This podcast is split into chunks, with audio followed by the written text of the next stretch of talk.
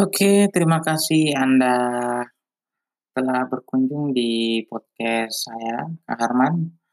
Eee, kali ini kita akan membahas mengenai masalah Covid-19. Eee, banyak hal yang, eee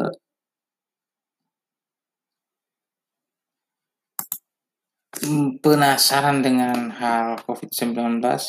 Ada yang mengatakan bahwa ini sengaja dibuat, ada yang mengatakan ini murni adalah virus, ada yang mengatakan ini adalah sesuatu yang diciptakan oleh sekelompok orang yang bisa dikatakan shadow economy dan lain-lain sebagainya.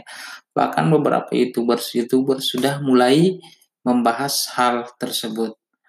Eee, kita tidak bisa menyimpulkan sesuatu